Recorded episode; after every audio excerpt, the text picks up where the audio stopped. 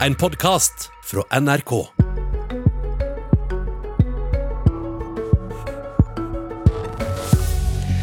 Danskene presser på for å få åpne samfunnet. I Sverige øker smittetallene, men smittevernreglene blir ikke stramma inn. Og her i Norge er noen på vei ned fra hytta for å ta vaksine.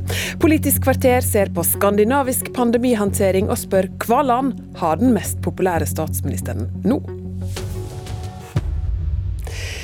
Morgen, vel møtt til Politisk kvarter, som i dag handler om pandemihåndteringa i Sverige, Danmark og Norge. Og med oss har vi tre gode gjester med ulikt blikk og ulike roller. Frode Forland i FHI har vært med og håndtert det hele fra styremaktenes side her i landet, og i Sverige ble han kalla Norges Anders Tegnell. Det kommer vi tilbake til. Leder av tankesmia Civita, Kristin Clemet, du følger særlig med på dansk politikk og samfunnsliv. Og VG-kommentator Astrid Mæland, du har fulgt med på det aller meste som har med håndteringa av pandemien å gjøre i flere land. Og Mellan, la oss starte med det vi alle ser fram til, en mer normal hverdag. Men for å forstå hvordan vi ligger an, har svensker og dansker og nordmenn en svært ulik hverdag nå? Ja, det tror jeg at det er helt forskjellig. Vi har jo fått med oss danskene som har lansert en stor gjenåpningsplan rett før påske og skal åpne samfunnet igjen nå gradvis. Mens samtidig så fikk jo Norge beskjed om at vi fikk møte to personer innendørs hjemme hos oss sjøl og skikkelig stramme regler før påske. I Danmark så går jo smitten ned kraftig fra etter jul, mens i Norge så går den jo opp. Også i Sverige da, så går den opp, både smitten og innleggelsen, men der har de likevel bestemt seg for å åpne videregående etter jul. og Før påske så sa Anders Tegnell at det ikke var noe grunn til å ha noe mer tiltak før påske. Han var ingenting bekymra for påsketrafikken. Han mente bare at hvis de tiltakene vi har følges, så er det bra nok. Og Hva er status for disse gjenåpningsplanene i Skandinavia? Jo, eh, som vi snakka om, altså Danmark de har en helt konkret plan. Kjøpesenter skal åpnes, jeg husker ikke om det er ute i april en gang, og så skolene først.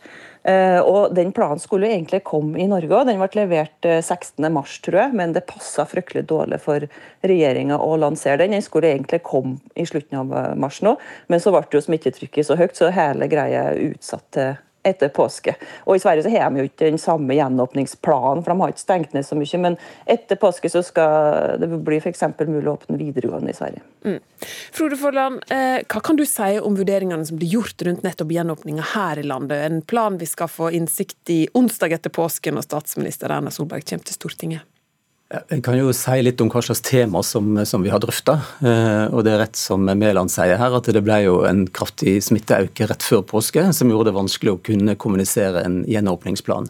Men det har vi jobba med lenge, sammen med Helsedirektoratet. Og det handler om å bygge denne planen på, på data, og ikke bare på fastsette datoer. Eh, og at vi tar da hensyn til smittesituasjonen i landet, vi tar hensyn til vaksinesituasjonen kapasiteten som er i helsetjenester for å kunne håndtere de utbruddene som er, og hvor mange virusvarianter for eksempel, som er i, i omløp. Mm. Men det, den vurderinga som danskene gjør nå, at eh, når alle over 50 er vaksinert, mm. da åpner vi det meste?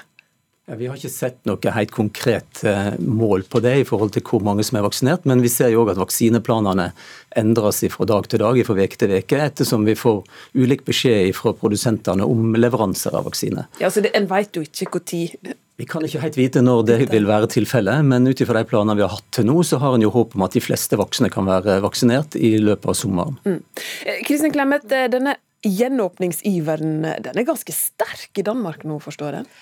Presset ja. mot Mette Fredriksen, statsministeren, ligger der? Eh, ja, Det har foregått litt annerledes i Danmark enn i Sverige og Norge så langt. For i Danmark så er det de politiske partiene, alle unntatt ett parti, som har blitt enige om en gjenåpningsplan. Men det er ikke sånn at alt nå åpner.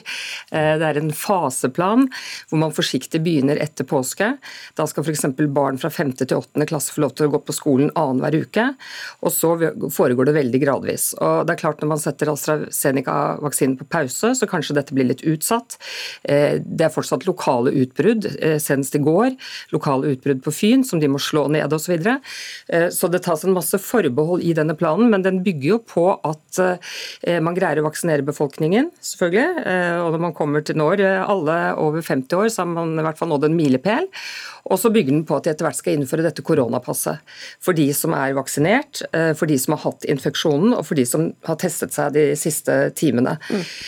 Så eh, der er en plan. I Sverige så, så vidt jeg forstår, så har folkehelsemyndighetene der fremlagt et forslag til, for politikerne til en gjenåpningsplan, som vi vel også får i Norge da etter påske. Mm.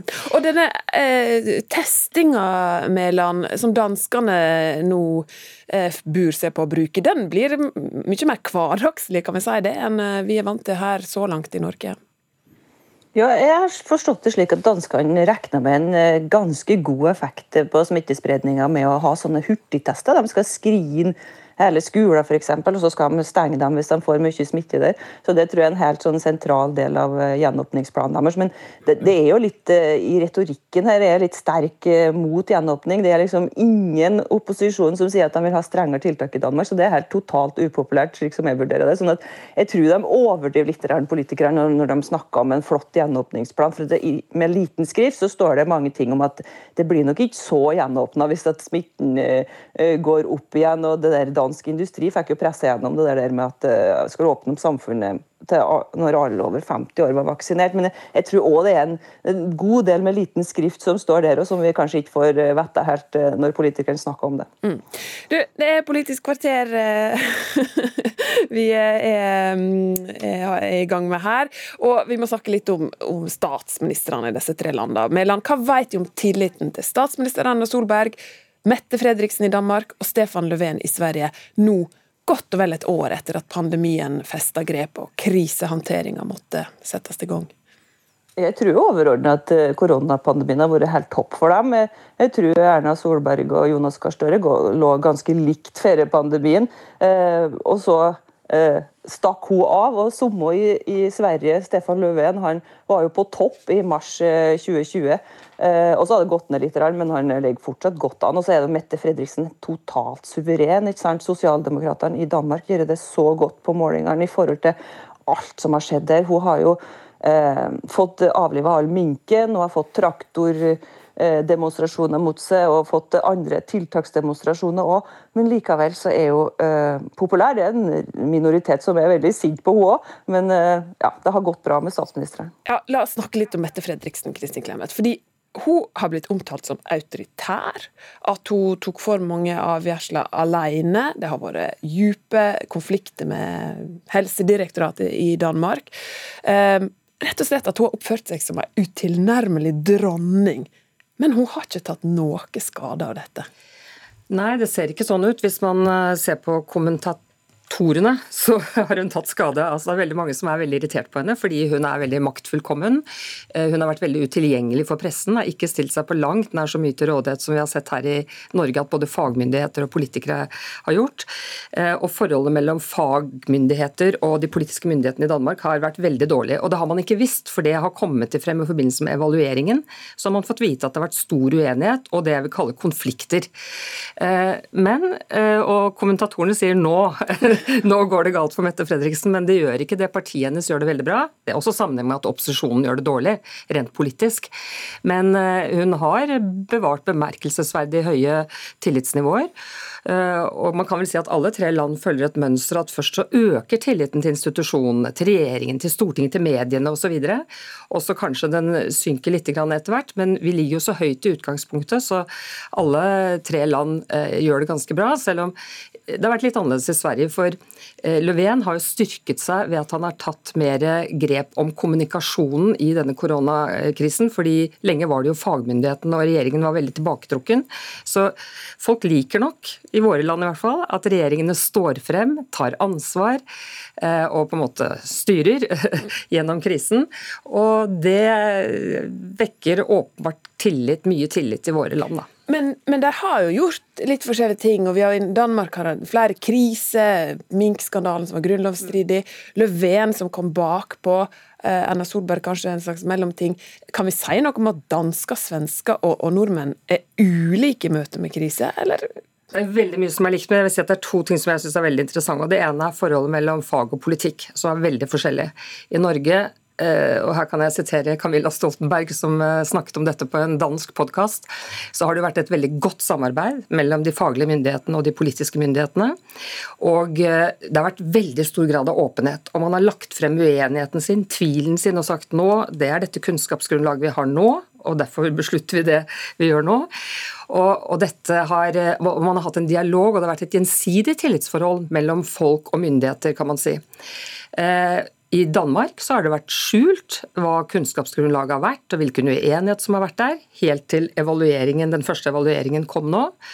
Eh, og Der har det vært store konflikter, eh, så store at vi har fått vite i ettertid at eh, de faglige myndighetene helst ikke ville være med på pressekonferansen osv. I Sverige så har jo de faglige myndighetene lenge vært veldig uavhengige og hatt litt konkurrerende tilnærming, mens politikken har vært veldig tilbaketrukken. Så det er én stor forskjell.